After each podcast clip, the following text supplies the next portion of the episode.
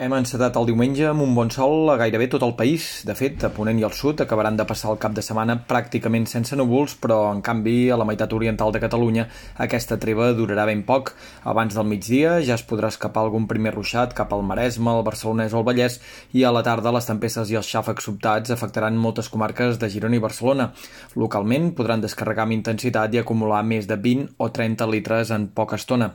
Les precipitacions que recollin avui es sumaran amb les de les últimes 48 hores i no seria estrany que en algun indret s'acabessin superant els 200 litres per metre quadrat en tot l'episodi. De moment ja han caigut més de 150 litres a cavall de les comarques del Ripollès, Osona i el Berguedà.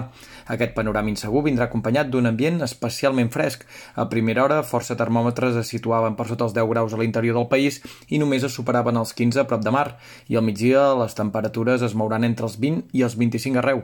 El vent de nord, que aquesta matinada ha deixat cops de més de 70 km per hora als dos extrems del país, continuarà bufant amb ganes durant les pròximes hores. De fet, el mestral no perdrà força a l'Ebre definitivament fins demà al migdia i la tramuntana no ho farà a l'Empordà fins la matinada de dimarts.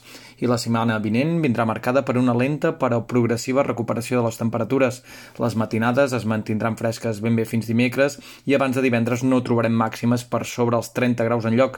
Ara mateix, tot fa pensar que dimarts eh, seria el dia més insegur de la setmana, però en conjunt s'intueix un inici de setembre força tranquil i amb molt més sol que no pas núvols.